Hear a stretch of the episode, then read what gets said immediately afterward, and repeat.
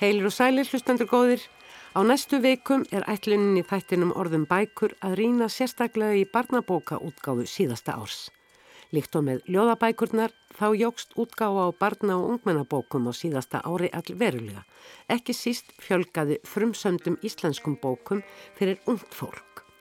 Það eru þó ekki nýjar bækur sem Sunna Dís Mástóttir ætlar að skoða hér undir lok þáttar heldur ætlar hún að rifja upp með okkur öllum bækur benskokkar og skoða sérstaklega það sem vakt okkur hungur í meira að lesa en líka hungur í skrítin mat með skrítnum nöfnum.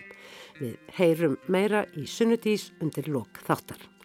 Þá verður í þessum þætti haldið áfram að týna upp ólesnar bækur í fjörinu eftir síðasta jólabókaflóð og að þessu sinni kollstiftist í fangið á mér nokkuð stór bók sem bar titilinn Lífsverk og undir teitilinn 13 kirkjur ámunda Jónssonar. Ég minnist þess að hafa ekki þótt þessi teitil áheit á áhugaverða bók til skoðunar í þættinum og því lagt hana til hliðar. En eigi skal bóka titlinum dæma því strax á sörblaðinu gata líta fáinn orð sem síðar vöktu áhuga. Hugleðingar Guðrúnar Ardísar Tryggvadóttur um lífsverk ámunda Jónssonar og tíman á samt rannsóknum Ardísar S. Árnadóttur og Solvegar Jónsdóttur um sama viðfang. Það var þetta með tíman í tengslunni lífsverk sem vakti aðteglina auk vastlitaminda eftir Guðrunu Tryggvadóttur af lífi og verkum áðurnemns ámönda.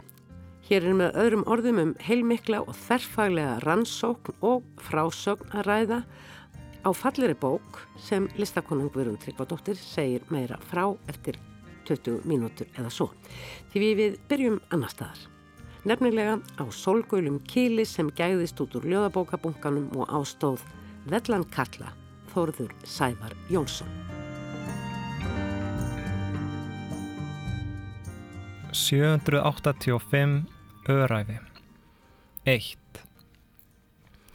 Jökulsborðurinn ripnar, líkt og hlýrabólur amerískrar myndasögu fíkúru sem ummyndast hefur í ofurhetju. Tvö. Óteljandi ísjakar leggja af stað í óvissuferð eftir byggsvörtum sandinum. Pott þétt skemmtilegri örlög en að vera tappað á flöskur. Þrjú. Kolmóraut fljótið, skúrar, brúargólf. Fjögur. Ég fylgist með ofan að varnagarðinu, skamt frá skarðinu sé jökulvatnið hjúra sig upp að engu, reysa gruggugan vekk sem dúar undir iljum. Hér heyrðum við Þórð Sævar Jónsson lesa ljóðið 785 öræfi, post utan á skriftina fyrir öræfi undir vatnajökli úr ljóðabókinni með fallega solgula kilinum ljóðabókinni Vellan Köllu. Þorður Sævar Jónsson hefur á síðustu missurum tengst all mörgum bókum. Árið 2015 sendaði hann frá sér ljóðaheftið Blágil sem var 11. heftið í henni góðsagnakendu ljóðabókaserju meðgönguljóð sem var lokað með tákrænum hætti með útgáfu ljóðasaps meðgönguljóða höstið 2019. Árið 2018 komu svo út tvær þýðingar á verkum bandaríska höfundarins Richards Brátigan eftir Þórsævar, annars vegar skáltsagan Hóklæn skrimslið og hins vegar smásagnasafnið Hemd Grasflatarinnar. Þá hefur Þórður Sævar lagt stund á grísku eða fortgrísku held ég og þýtt úr fortgrísku á deiluverk Lúkianosar sem uppi var í Samosata sem mun verið í núverandi tilkrandi á annaru öld eftir Krist Og undir lók síðasta ás komu svo út hvorki meira nefn en tvær bækur eftir Þórð. Áður nefndi Vellankalla hjá bókaútgáfinni Partusi sem á smáhefti í reytröðinni Pastel sem nefnist 49 kílometrar eða uppáhalds vegalengdin mín, brot úr dagbók Landvarðar.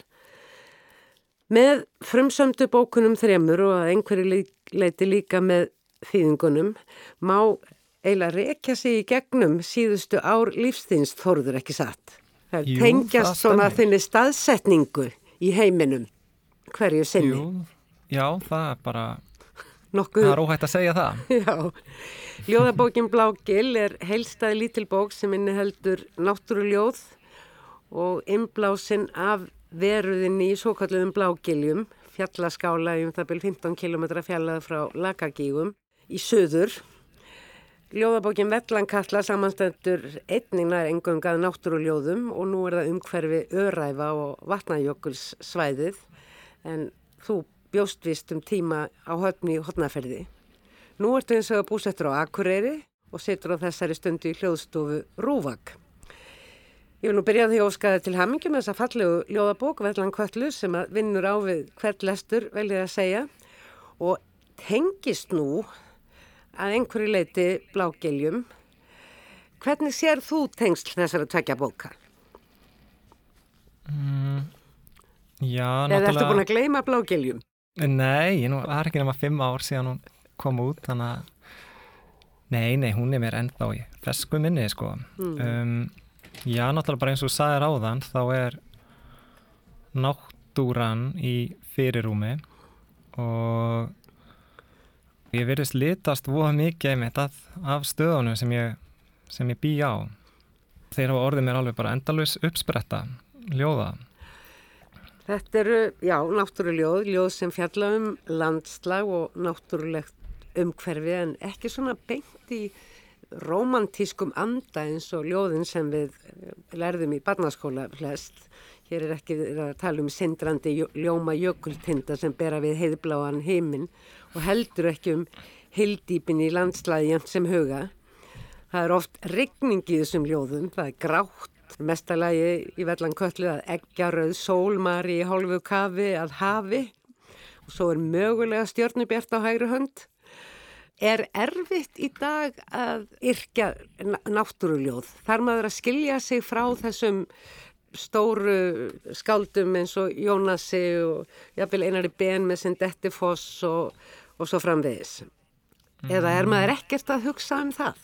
Nei, ég einhver meginn ég held ég hafi bara, ná, bara pælt nánast, ekki neitt í, í því sko, að ég væri einhver megin að ef ég, ef ég hefði verið að pæla, einmitt, ef ég hefði verið að spá, spá í þetta, þá hefði ég lík, líklega bara, líklegast bara bugast undan því fargi.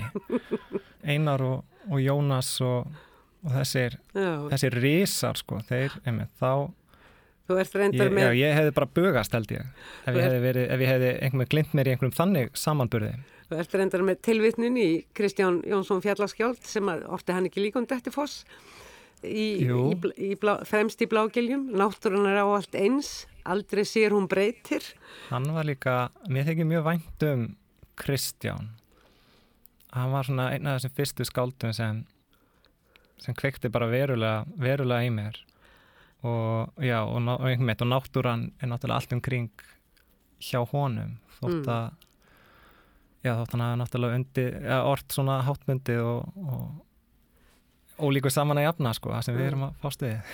En þú ert ekki sveitastrákur, þú ert alveg upp í borg, er það ekki?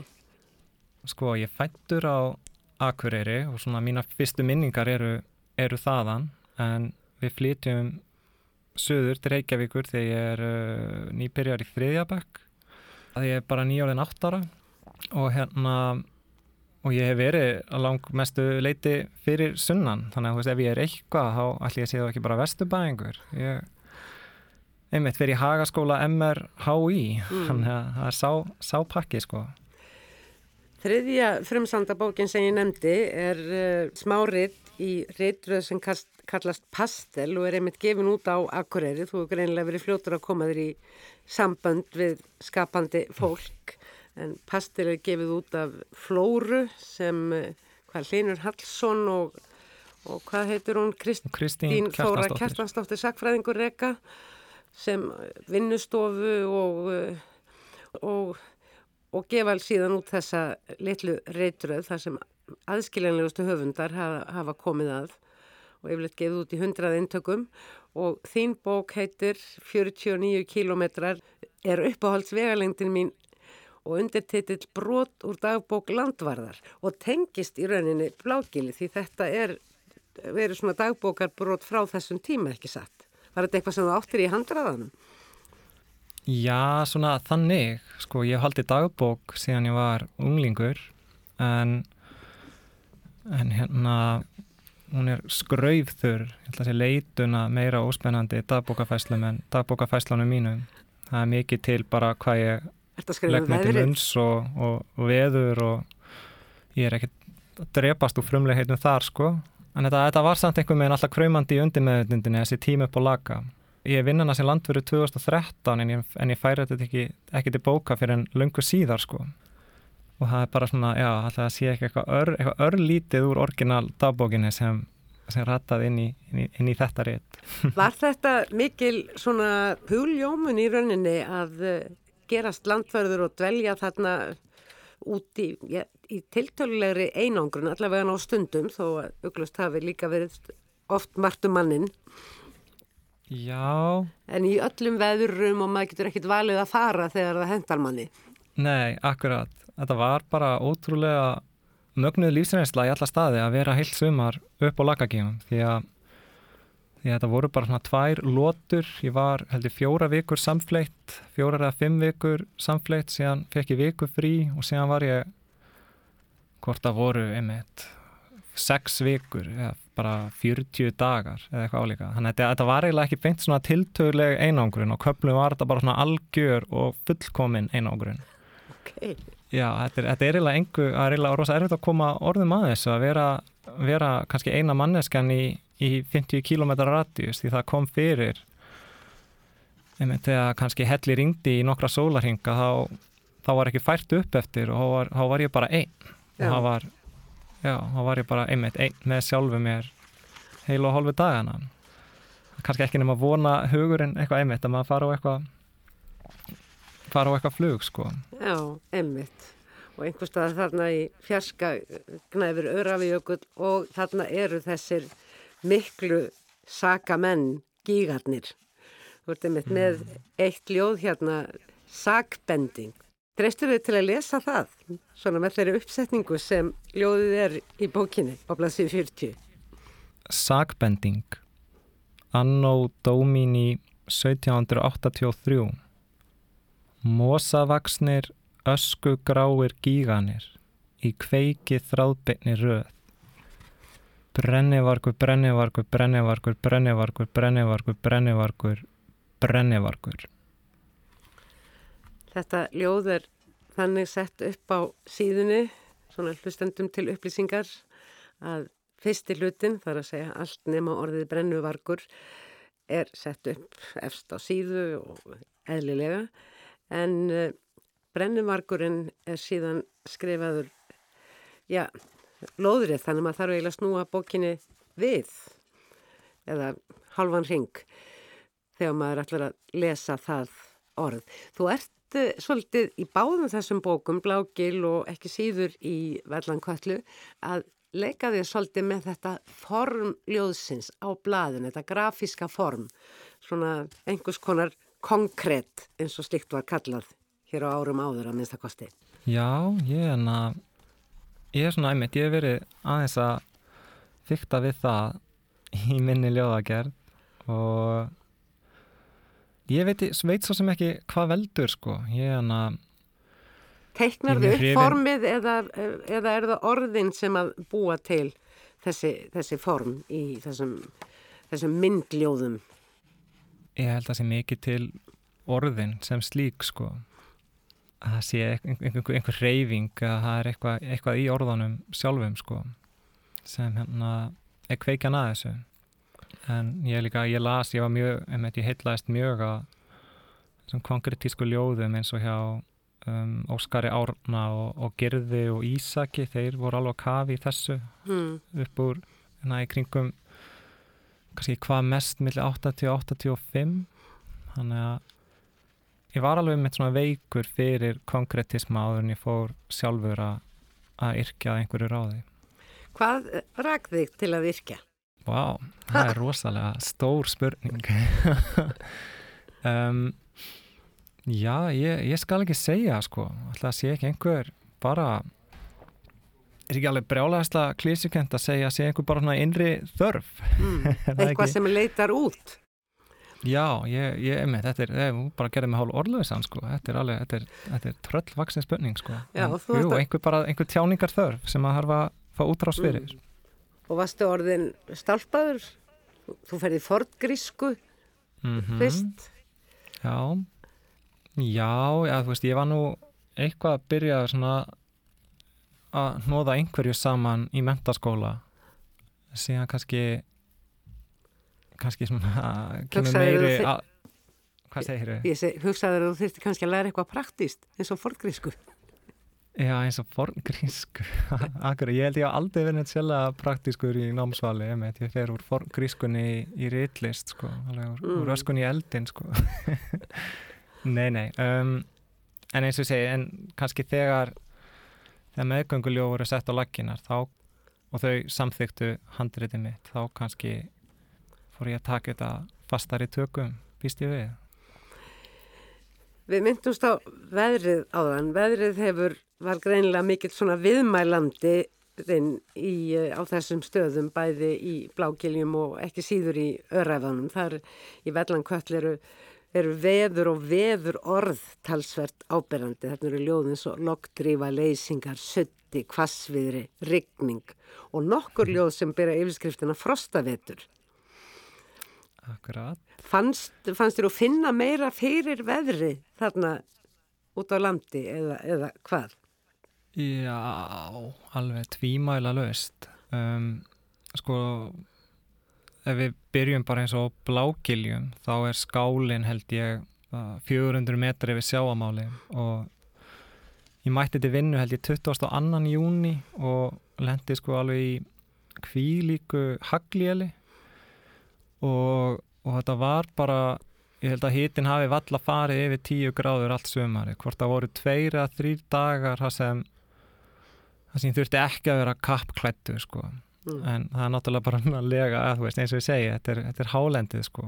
og síðan bjó ég ég er búin að vera töluvert í austur Skaftafellsíslu, ég var landvörður í Skaftafell í tvö sömur og var síðan tvö sömur á höfn og, og bjóðar í þetta hálft ár og, og það er í rauninni bara ein árstíð eins og á höfn í hotnafyrði, það er bara eilíft haust, alltaf og bara svona grámíglu sutta drulla bara upp á hvern einasta dag sko.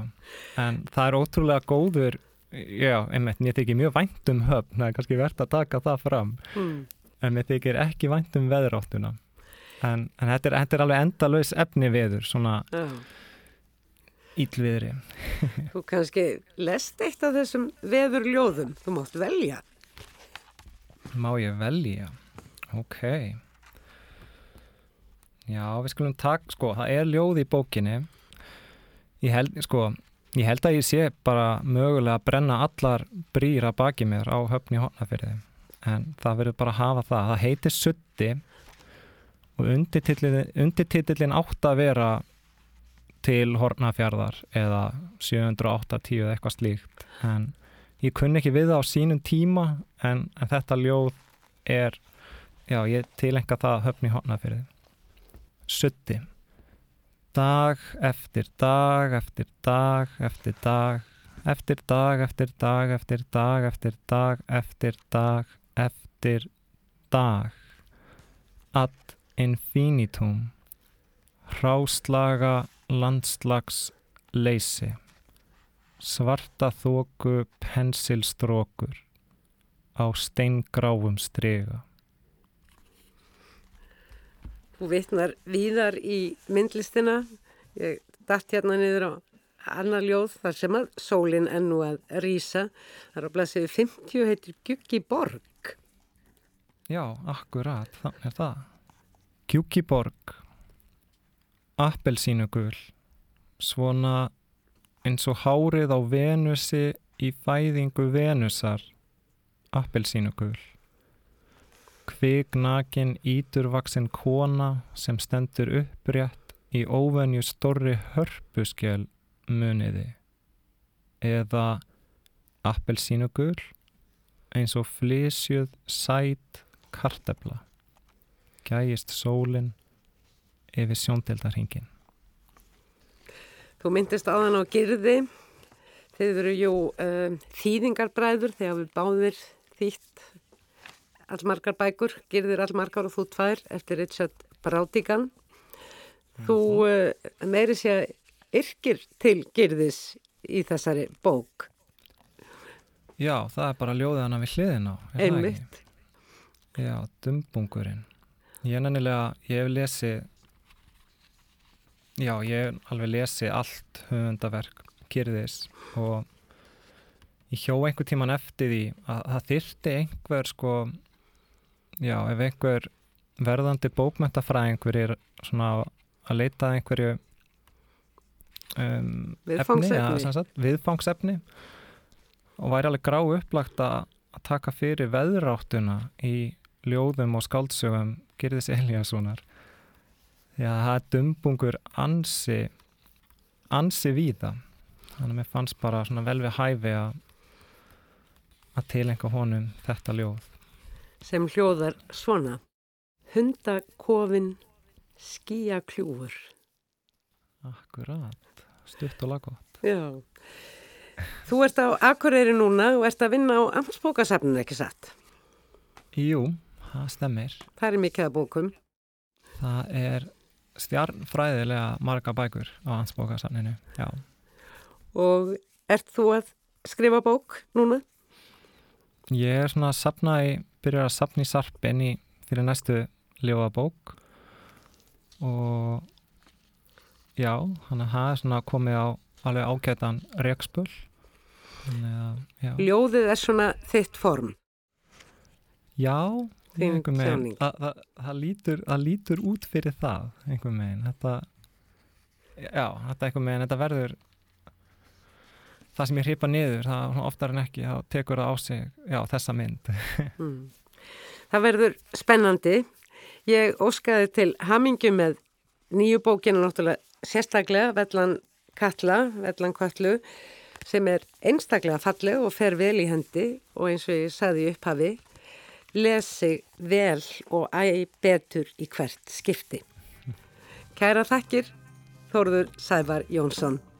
Þakkaði fyrir.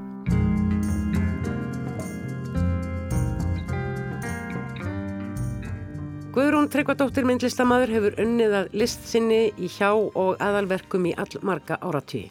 Hún útskrifaðist og málaradelt myndlista á Handíðaskóla Íslands árið 1978. Þá tók við eitt ár í hennum virta listaskóla Parísar, Beaux-Arts og síðan fjögur ári í myndlistarakademíun í München. Guðrún hefur farið víða á vegum listarinnar fyrir utan að halda reglulega síningar bæði hérlandis og erlandis hefur hún meðal annars reykið myndlistaskóla og listrana hönnunastofu eins og það heitir einhver staðar á netinu og svo held hún út til umhverfisvefnum náttúran.is í einn tíu ár. Á síðustu árum hefur Guðrún einbett sér að streganum sem sínum listræna miðli og notað málverkið meðal annars til að byrta niðurstöður rannsókna sinna á tímanum og flæði hans, engum í myndverkum sem sína eða vísa til formaðra hennar sem og ringrásar lífsins. Ekki alls fyrir löngu sendi Guðrún svo frá sér bók, lífsverk 13 kirkjur ámunda Jónssonar en ámundu þessi, smiður og málari, bíldskeri og vevari lifði lungan úr átjónda öldinni, fættist árið 1738 og mun forfæðir Guðrúnar. Í bókin er saga ámunda rekin í gegnum heimildir af bókum sem reyndar er ekki mjög viðamiklar, þar að segja það er heimildir, en líka eru heimildirna reknar í gegnum þá list og smíðiskreipi sem ámundi leti eftir sig og þannig dreyin upp mynd af kjörum alþjóðu fólks engum möguleikum þess til að fylgja eftir listrænum, hæfileikum sínum í því samfélagi sem hér var á átjándu öld. En svo öld einkendist jú af náttúruhamförum, pestum og sjúkdómum, einangrun og fleiru og skemmtilegu. Bókin Lífsverk er í stóru broti en þjálu Þar má ekki aðeins lesa sögu ámunda, stutta margvíslegum heimildum og myndum af verkum hans, heldur einnig myndir af verkum gurunar sjálfrar, inblásnum af lífi og verkum ámunda og tíðaranda átjóndaaldar, en í forðiri Hallgrímskirkju stendur emmitt þessar veikurnar yfir síning á fáinum þessara verka. Guðrún Tryggvadóttir, Ardís Tryggvadóttir, eins og höfundur þessarar bókar kýrsa kalla sig og heitir. Ég óskaði til hamingi með þessa bók. Já, takk. Hún er bara falleg og hún er, mér finnst einmitt fjál. Það er gott að lesa henni, gott að fletta hana, pappirinn er mjúkur. Ekki ofháttíleg, en Nei, samt. en samt, mikið í henni. Segðu mér hans frá aðdraðanda þessara bókar. Já, hann er nú svona, Svona í svolítið stuttu langur. máli. Já, í stuttu máli er hann bara uh, byggður á forvitni minni um minn, mitt eigi líf og hvað það eiginlega er í stuttu máli. Og þarna tekið bara, Hvaðan kemur myndlistakonan Guðrún Tryggvadóttir? Svona, ég er náttúrulega bara reykvíkingur.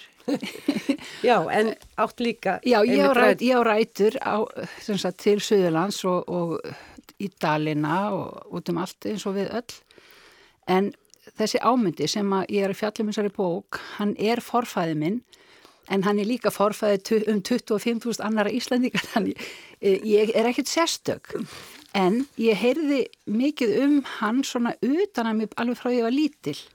Ámyndaættin, það eru nú allir svo handlagnir í ámyndaættinni og þú hefur þetta frá eh, ámynda eitthvað svona. Já, og þá var nú aðalega amma mín sem var eitthvað að tala um hana ámynda en afi minn, eh, hann semst pappi, semst lang afi minn hann fæðist eh, semst á þar sem að ámyndi bjó, þannig að þetta, þetta var ennþá svona í- já, þannig að þetta var ennþá svona sko e- eitthvað tal um hann tengsl. Eitth, já, eitthvað, en það vissir henni engin neitt og þetta, þetta er eins og eins og fólk sem að var til fyrir 200 árum, það fólk veit ekkit um þau. sérstaklega ekki alþjóðu fólk, því það er ekki nafngreint. Nei, nei, nei, Það, það, kom er mér svo óvart því að hann fer utan, Já. hann uh, býr á bæjum þar sem býr mektar fólk eins og á hlýðarenda í fljótslið hjá Sigurði hvað landstings Landskri- skrifara já, einmitt. og, uh, og hann uh, fer, uh, fer með danskri nefnd, landsnefnd sem er, sem er send til að gera úttækt á lífi og kjörum Íslandinga í ferðalagum landið. En nafnið hans er ekkert uh, í hávegum haft frekar heldur en annara alþýðum manna. Nei, við, Hversu handlægnir sem þeir voru? nákvæmlega, sko, og það er náttúrulega gerir erfitt að- rannsaka æfi eh, svona gamals manns, Mm. en uh, það er hægt svona að, að finna hitt og þetta þegar grúska er að fræðimönnum. Og ég er nú svo heppin að ég á föðusisti sem er doktor í lissakfræði og þegar ég opna grúska sjálf í svona eitt ár, þá náttúrulega gerir mér grein fyrir því að ég væri ekki sakfræðingur. Ég, ég kynni ekkit að leita heimildum. Þannig að ég spurði hvort hún hefði áhuga að vinna þetta með mér og, og hún hafði það og síðan bara hefur verið að grúska því svo hún tók þetta alla leið og gerði raunlega rannsókn sko. þegar sem þú vitnar í sem, sem heimildir og bóku, það er engar heimildir það er bara ein og ein setning og sérstaklega þegar hann bjargaði öllum um, úr, úr fabrikhúsi skóla Magnússonar Þegar kom upp eldur Já. og hann vaknaði miðja nótt. Já, og hann vaknaði miðan nótt og hann vaknar við það að það þrammar inn maður á stífölum og ætlar að fara að taka vats, drikkjakútinans og drekka honum. Og það var hann náttúrulega illa við og vaknaði við það og það var, þá stóð engi maður þarna en allt var í ljósum logum. Og þannig höldu við hann hafi kannski komið svona til ákveðana metorðið virðingar. Uh, Hann bjargaði þarna, Já, hann bjargaði öllum, já. Og hann hefur kannski, já, orðið, sko, fengið ykkur að virðingu fyrir og hugsanlega uh, hefur hann þá þess vegna komist út tveimur ánum setna til Kaupmannhafnar á kostnað eitthvað svo vegum mm. skúla. Þa, það eru getgátur. En hann fer sem sagt til Kaupmannhafnar og er þar í þrjú ár. Og það er til sem sagt eftir honum sjálfum að hann hafi verið þar hjá etatrað Horribró Horribró í uh, sívæliturninum sem, sem sagt aðstofamæður. Annað er ekki hægt að finna. Jafnir þó ég hef farið og verið í Jónshúsi í heilt, heilt, heila mánuð og gramsað og hitt marga sakfræðinga og yfirmenn sívæliturnsins og allt. Hans nafn kemur hvergi fyrir.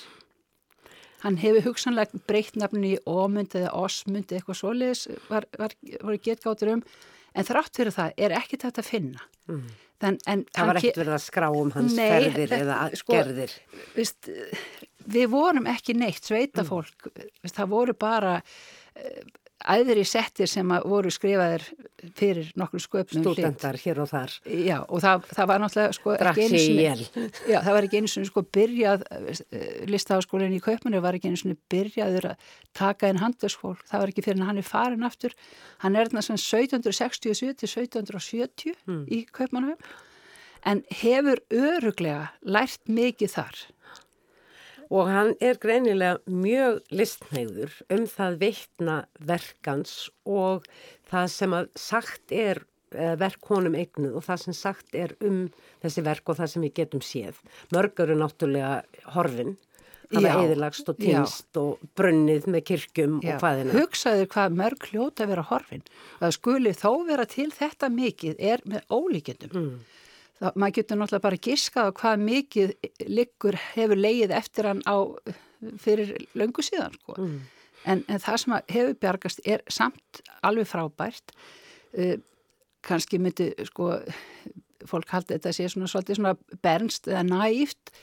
Sumt er það og já, það er bara ákveðin sko... Og hann sér, hefur greinilega haft að einhverju liti fyrirmyndir frá kaupmannahafnar árunum og eitthvað. Já, það er náttúrulega ákveðin stíl svona... Mm svona ríkjandi já svona síður rokokko stíl sko sem er ríkjandi og, og þessi symbolismi sem er notaður í alltaristöflum í köpmannahöfn á þessum tíma, hann tekur það beint yfir. Mm. Þetta var náttúrulega þetta var náttúrulega málið sem, að, sem að var notað til þess að miðla upplýsingum mm.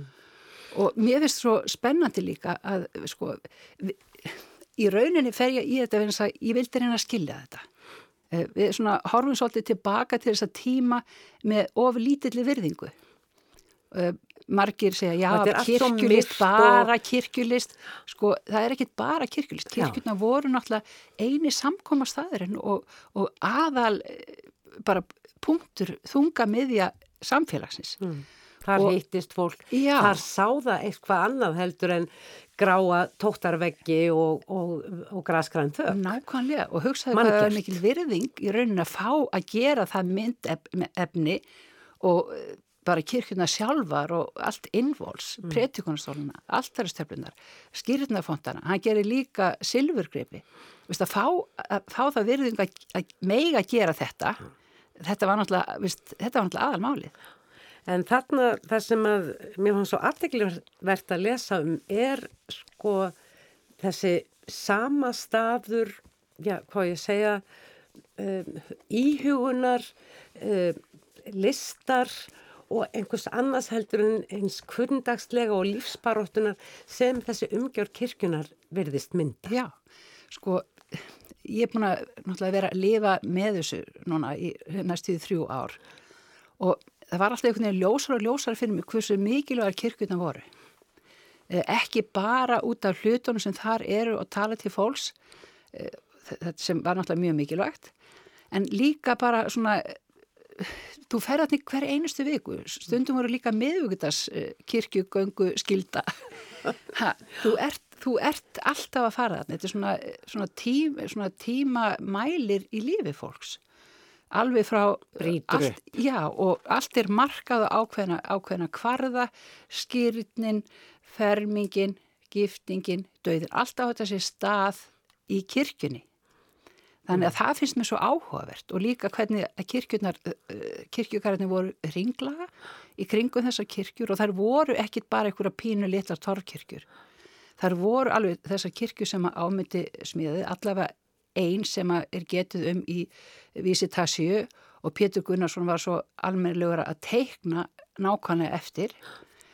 Hún var 14 metrar á lengt, mm. uh, 6 metrar á hæð. Þetta er ekki smá. smá. Reysulegasta bygging. Já, og hvaðan kom allir þessi, allir þessi viður? Hvernig var hann fluttur úr höfn? Sennilega eirabakka. Dregin á hestum yfir ár og veist, þetta er ótrúlegt. Já eitthvað hefur sannlega verið sko skipsreki en við vitum ekki hver, hversu mikið. Hvernig var þetta saga? Ah. Vist, núna eru við með risastóra sægir allt er rafknúið. Hvernig voru verkværin mm. Vist, þetta, er, þetta er allt saman svo ótrúlega spennandi að reyna að skilja þetta. Sannarlega. En það sem líka svo skemmtilegt við þessa bók það er þessi ólíka nálgun ykkar tvekja frængnana þín Guðrunar Ardís og Ardísar. Svo er reyndar hérna líka grein eftir Solveig og Jónsdóttur uh, sem fjallar um forvörslu og svona fyrir eiginlega inn í uh, eina hluta af alltaristöflu ámynda en það er þetta, hún nálgast þetta fræðilega, hún fyrir rítin og bækurnar og leitar mm. en þú getur þá leiftir að gera þetta á þinn hátt í gegnum því sjónræna. Bæði með því að upplifa sjónrænt þannig að þau ert út í kaupanar, mjög aðstæða merkilegt og eins með því beinleins bara mála aðstæðunar. Já, ég, man, ég er náttúrulega myndlistamæður og, og að vera myndlistamæður það er ekki bara að, að mála einhverja myndir, ég mála myndir að því að leita að einhverju.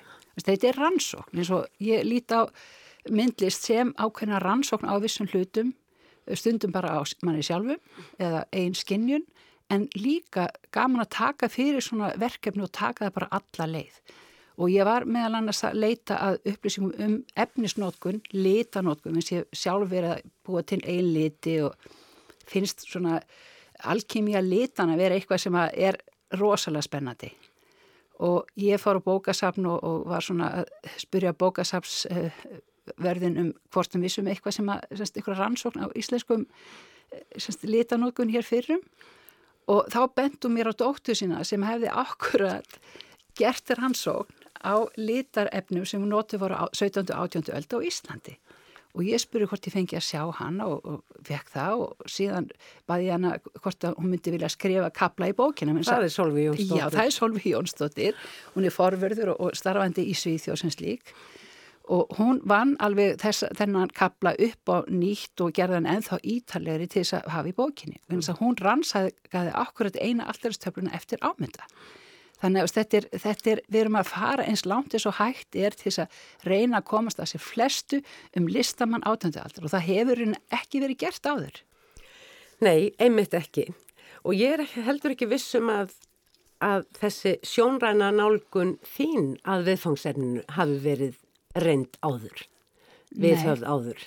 Nei, þú en... bæði málar myndir en svo skrifar þú líka um það hvernig þú reynir að nálgast ámynda í gegnum það sem að gegnum að skoða það sem hann hafi mögulega líka skoðað.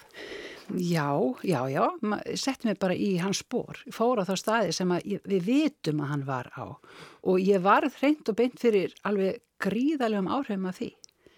Bara fara til að, að sjá uh, alltaf í Trínitattiskirkju sem er samföst sívalturni, hann hefur verið að, kannski daglega í þrjú ár að dást að þessu. Og það var ótrúlega upplifun þannig að þetta er náttúrulega allt útskorið og mála og mála eins og þetta sé eitthvað annað en það er, þetta er sko reist eh, uppgerð kirkjan eftir stóra brunan, semst, mikla brunan í Kröpmanum þannig að þetta var allt saman nýtt, tiltölulega nýtt og allt marmor er að sko en var, er bara viður og þetta var ótrúlega velgjert og tók mér langan tíma að, að fatta sjálfa þetta væri ekki alls konar marmarategundir sko, þetta, mm. þetta er bara svona svo þunn leikmynd í leikhúsi sem að varpar fram symbolisma sem að nær til fólk sem er mjög einfaldur í rauninni og við erum enþá að nota í dag.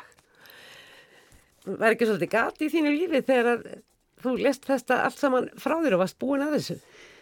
Nei, nei, alls ekki. Ég, sko, Þá fórst að huga vaslitamyndunum? Nei, nei, ég, sko, vaslitamyndunum, þær urðu bara til í ferlinu. Ég ætlaði ekki að hafa vaslitamyndir eða neitt.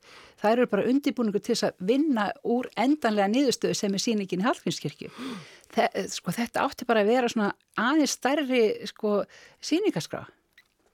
Ha. Já, en uh, vaslitamyndunar bæta náttúrulega mjög miklu við fegurð bókarinnar. Já, já, takk. Þær, þær eru svona, já, tilum til þess að sjá í gegnum tíman. Svona, já, bara sjá það sem var að ske. Út frá því sem kom í ljós í rannsókninni og minni skoðun og minni, mínu einsægi, bara setja sig inn í aðstæður. Mm. Það er það sem var skemmtilegt, en þetta náttúrulega er eitthvað sem er bara... Eh, svona varða á, á, á leið. Á, ég það þannig sko. mikið eftir að um, rannsaka og ég myndi vilja sjá sko, mín, mín von er að það verði uh, gerð síning á verkunum þannig að fólk sjá, fá að sjá þessi verk sem er raunir falin í geimslun þjóðmyndasapsins að mestu leiti, mm. frábær verk. Og sko ámyndir ekkit eini listamæðurinn sem var að gera stórgóðslega hluti gegnum aldinnar uh, þjóðmyndasapnið er fullt af gerðsemum sem fólk bara veit ekki um og þetta þarf að, við þurfum að sjá þetta uh, og hægt að halda við sem svona stórkostleg. Það sem við gerum í dag, ég kem líka að því í bókinni í lokin, að við skulum hafa í huga það sem við gerum í dag, hvort einhver hafa áhuga því eftir 250 ár eða hvaða skilur eftir. Mm. Það, það er rauninni það sem að, sko, málið er að, að við sjáum aðeins lengra og sjáum það okkur eftir 250 ár. Einmitt. Guðrún Artur Stryggvardóttir, takk fyrir þessa bók, takk fyrir áminninguna og gangiði vel. Takk. Ég vil fá fleira af þessum aðslutamyndum og síningum.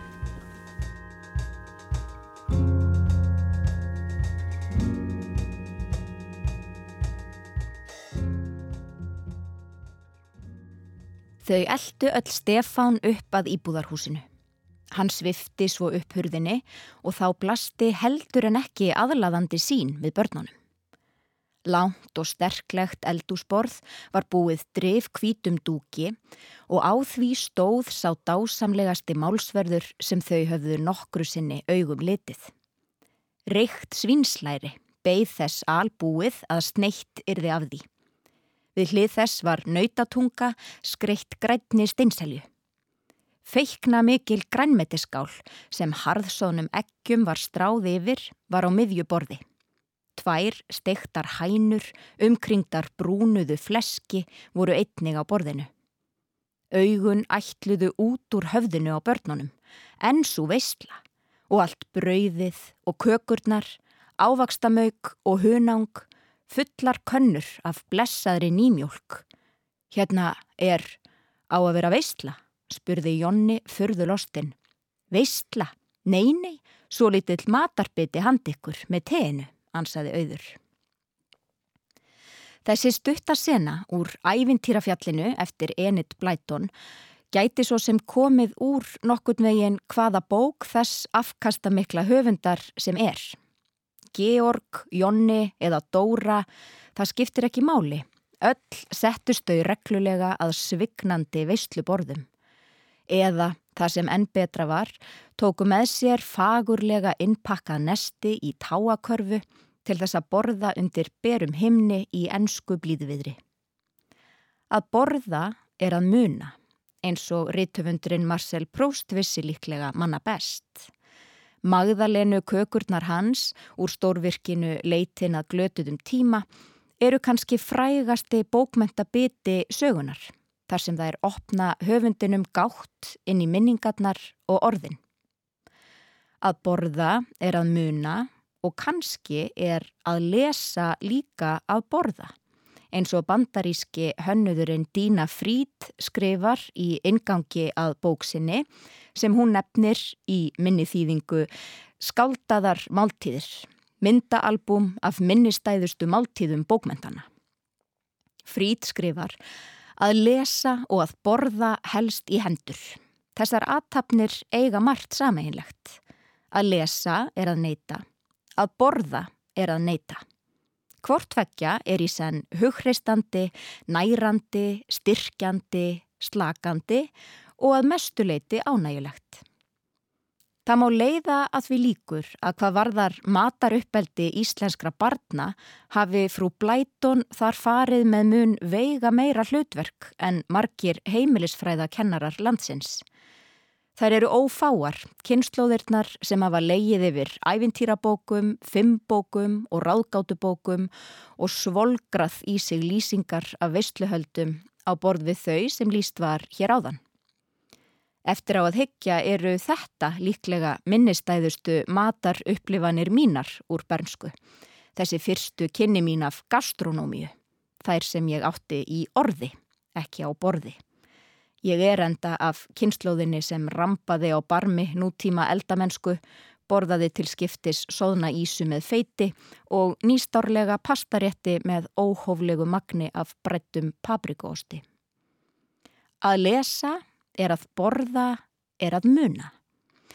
Og hvað barnabækurnar varðar, vinda þar minnið og maturinn sig saman í órófa og marglaga heilt, einhvers konar milfói minningana.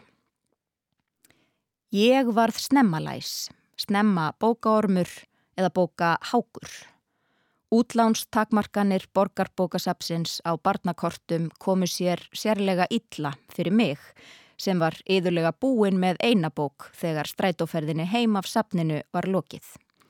Ég gleifti í mig bækur af ákjæfð og áfergju og ég man bragðið af þeim. Sjálf hef ég komist að því að ég man betur eftir þeim sögum og bókum sem gerðust í fjarlægum löndum, í óræðum heimum eða á öðrum tímum en samtímasögum af Íslandi nýjunda áratugarins.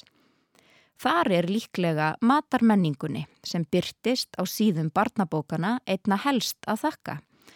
Hungur bókaháksins var óseðjandi en kræsingarnar sem á borð voru borðnar í framandi umhverfi barnabókana slóu á sárustu svengdina. Hræriða skýrið og ristaða brauðið sem voru góðkunningjar á mínu eigin matarborði og öðrum íslenskum söguhetjum var gert að borða greiftu sig ekki í minnið með sama hætti. Aftur á móti man ég vel ilminn sem sískinin í Sitikuðs englar þríleik Guðrúnar Helgadóttur fundu af jólaeplunum. Hann barst til mín í gegnum áratugina, kunnulegur en samt framandi, því ætti einhver að finna svo sterka lykt af eplum. Ég man engi fyrir ölið og aldinmaukið sem söguhetjur Enidar Blæton getur sér á. Ég man köldu kjöttbólurnar sem mattitt miðaði í opið genið á vini sínum. Ég þráði árum saman að fá að bragða glóðað brauðið með þykri sneið af volkum geitaósti sem heiða ristar sjálf yfir arineldinum fyrsta kvöldið hjá afasínum í fjöllunum. Ég man dýrðina alla sem nágrannar Péturs og Brands týndu upp úr körfunum sínum þegar búrið þeirra félaga var tómt og jólinn alveg að koma. Ég les. Það er nóg hérna, sjáðu, saði Elsa. Og svo tók hún upp úr körfunni svínakjöt, sultu, rauðkál, kjötbólur, brauð, svínakjöt sóð til að dífa í brauðinu, jólaöl, piparkökur og kleinur. Á mynd höfundarins Svens Nordqvist brosir búlduleit kona ofan í körfuna, hlaðna af góðgæti. Ímynd og holdgerfing matmóðurinnar sem við þráum öll. Þetta er frum hungur, hungur barðsins sem öskrar á mat og breytist setna í aðra frumstæða þörf, hungrið eftir fleiri orðum, fleiri sögum, dýbri þekkingu og auknum tengslum við heiminn sem býður þarna úti eða sem einu sinni var og kallar til okkar. Raunverulegir matriðslumeistarar nútímans virðast einnig hafa átta sig á þessum tengdu brautum þrárokkar. Lýsingar á matsæðlum veitingastada verða sífælt fjálglegri, skrautlegri, dansa á mörgum prósaljósins. Yngri rittöfundur sem deilir ástblætona á vel nestuðum söguhetjum og virðist einnig hafa átta sig á þessu fagra og gagnkvæma sambandi matar og barnabóka er J.K. Rowling, höfundur frægustu barnabóka heims, bókaflokksins um Harry Potter. Harry sjálfur hefur raunar meiri áhuga á mat og áum leið í floknara sambandi við hann en margar söguhetjur barnabókana. Hann elst upp hjá skildmennum sínum sem eins og frekt er orðið koma illa fram við hann, búa um hann í þraungri kompu undir steganum og sveltan reglulega þegar sá gállin er á þeim. Það er því kannski ekki mikil fyrða að söguhetjan knáa fáist líka matarást á Hogvartskóla og matmóður sinni frú Vísli þegar framlýða stundir. Í Hogvartskóla er borin á borð hver veistlumáltíðin á fætur annari. Harry og vinnir hans gæða sér á hverju morgni á ristuðu brauði með þykku marmelaði, steiktum pilsum, eggjum og beikoni og skóla herlegheitunum niður með könnum af kældum graskersafa. Þau borða kjötbúðing, glóðarstektan kjúkling og kartublumús, graskersbökur, samlokur og kótilettur, karamellubúðing, melassabökur og súkulaði fröð. Og þá er enn ónemt sælgætið sem streymir frá galdraverslunum í skástræti og þorpinu Hogsmít. Hér er grepið ofan í lýsingu á jóladagsmortni í Hogvartskóla á fjórða ári vinnana við skólan þar sem Harry opnar gafirna sínar. Frá Siriussi fekk hann handtægan pennanýf með auka græjum til að opna hvert lás og leysa hvert nút og frá Hagrid gríðarstóran sælgætiskassa með öllu því góðgæti sem Harry helt upp á.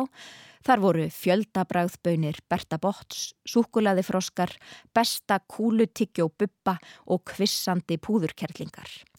Síðan var auðvitað líka pakki frá frú Vísli og í honum var ný peisa og risa skamtur af heimagerðum kjötbökum. Að gjafa opnun lokinni er haldið niður í hátegisverð og ég les þar sem að minnstakosti hundrað kalkunar voru á bóðstólum, álíka margir jólabúðingar og stóri hraukar af galdrakeksi girlaugs. Rowling ærir upp í lesendum sínum hungrið og spilar þar inn á samtengtar rásir, sultar og bókasvengtar. Kanski má gífurlegar vinsæltir bókaflokksins um Harry Potter að einhverju leiti rekja til svignandi hlaðborðana í stóra sal Hogwartskóla. Og hér er raunar gengið lengra. Fjórði veggurinn milli ilmandi matarétta og svangslesanda rofinn. Eftir útgáfu bókana um galdradrengin hafa liti ljós ógrinnin öll af matrislubókum og matarblokkum með það markmið að fullkomna veitingarnar sem líst er í bókafloknum og aðdáendur hans ásælast svo mjög. Í því stórveldi sem hefur myndast í kringum Sagnaheim Harry Potter er framleiðsla á helstu kræsingunum löngu hafinn. Í kvikmyndaverinu í London sem búið er að breyta í sapn er hægt að kaupa súkulæðifroska og sigurfjæðrir og eftirlæti allra fjölbragðaböynir Berta Botts. Á veitingastæðnum má líka gæða sér á hunangsöli, hennu sama og Harry og vinir hans ilja sér með á kráni þremur kústum. Um það segir í bókinni Harry Potter og fangin frá Askaban Ron kom aftur fimm minútum síðar með þrjár drikjarkönnur fullar af rjúgandi heitu hunangsöli. Harry drakk áfergjulega. Þetta var ljúffengasti drikkur sem hann hafði nokkuð tíma bragðað og honum hlínaði um allan kroppin. Og þar bregðast töfratnir, galdra heiminum öllum. Hunangsölið í London er kallt, dísætt og með væminni klístraðri fróðu sem lyktar eins og lélegt vanilu ilmkerti. Það er afgreitt yfir borð í sérlegum minjakrúsum, plastbotlum með vörumerki. Súkulaði froskarnir hoppa kvorki nýja reyna að flýja eigendur sína. Fjölbræða bönirnar valda reyndar ekki vonbriðum. Þar er vissulega að finna bönir bæði með hór og eirnamerksbræði. En hunangsölið er auðvitað ekkert líkt því sem það á að vera. Ekki nálagt í að framkalla sumu ánægu og neistla þess gerir hjá þeim sem les. Sagan sigrar raunveruleikan hversu mjög sem við þráum að borðana og verða þar með hluti af henni. Og sjálf hef ég svo sem þverrandi áhuga á nautatungu með steinselju, á borði, en í orði. Að lesa er að borða, er að hungra. Eftir sífælt fleiri sögum, sífælt fleiri framandi réttum sem aldrei kólna, sem alltaf eru nýbakaðir og ilmandi. Að lesa er að hungra.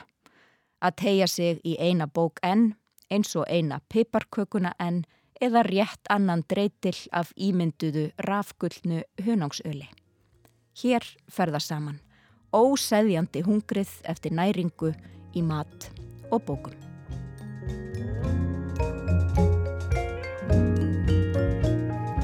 Fleiri verða orðum bækur ekki að þessu sinni. Tæknimaður þessa þáttar var Úlfildur Eisteinsdóttir. Takk fyrir að hlusta. Verði sæl.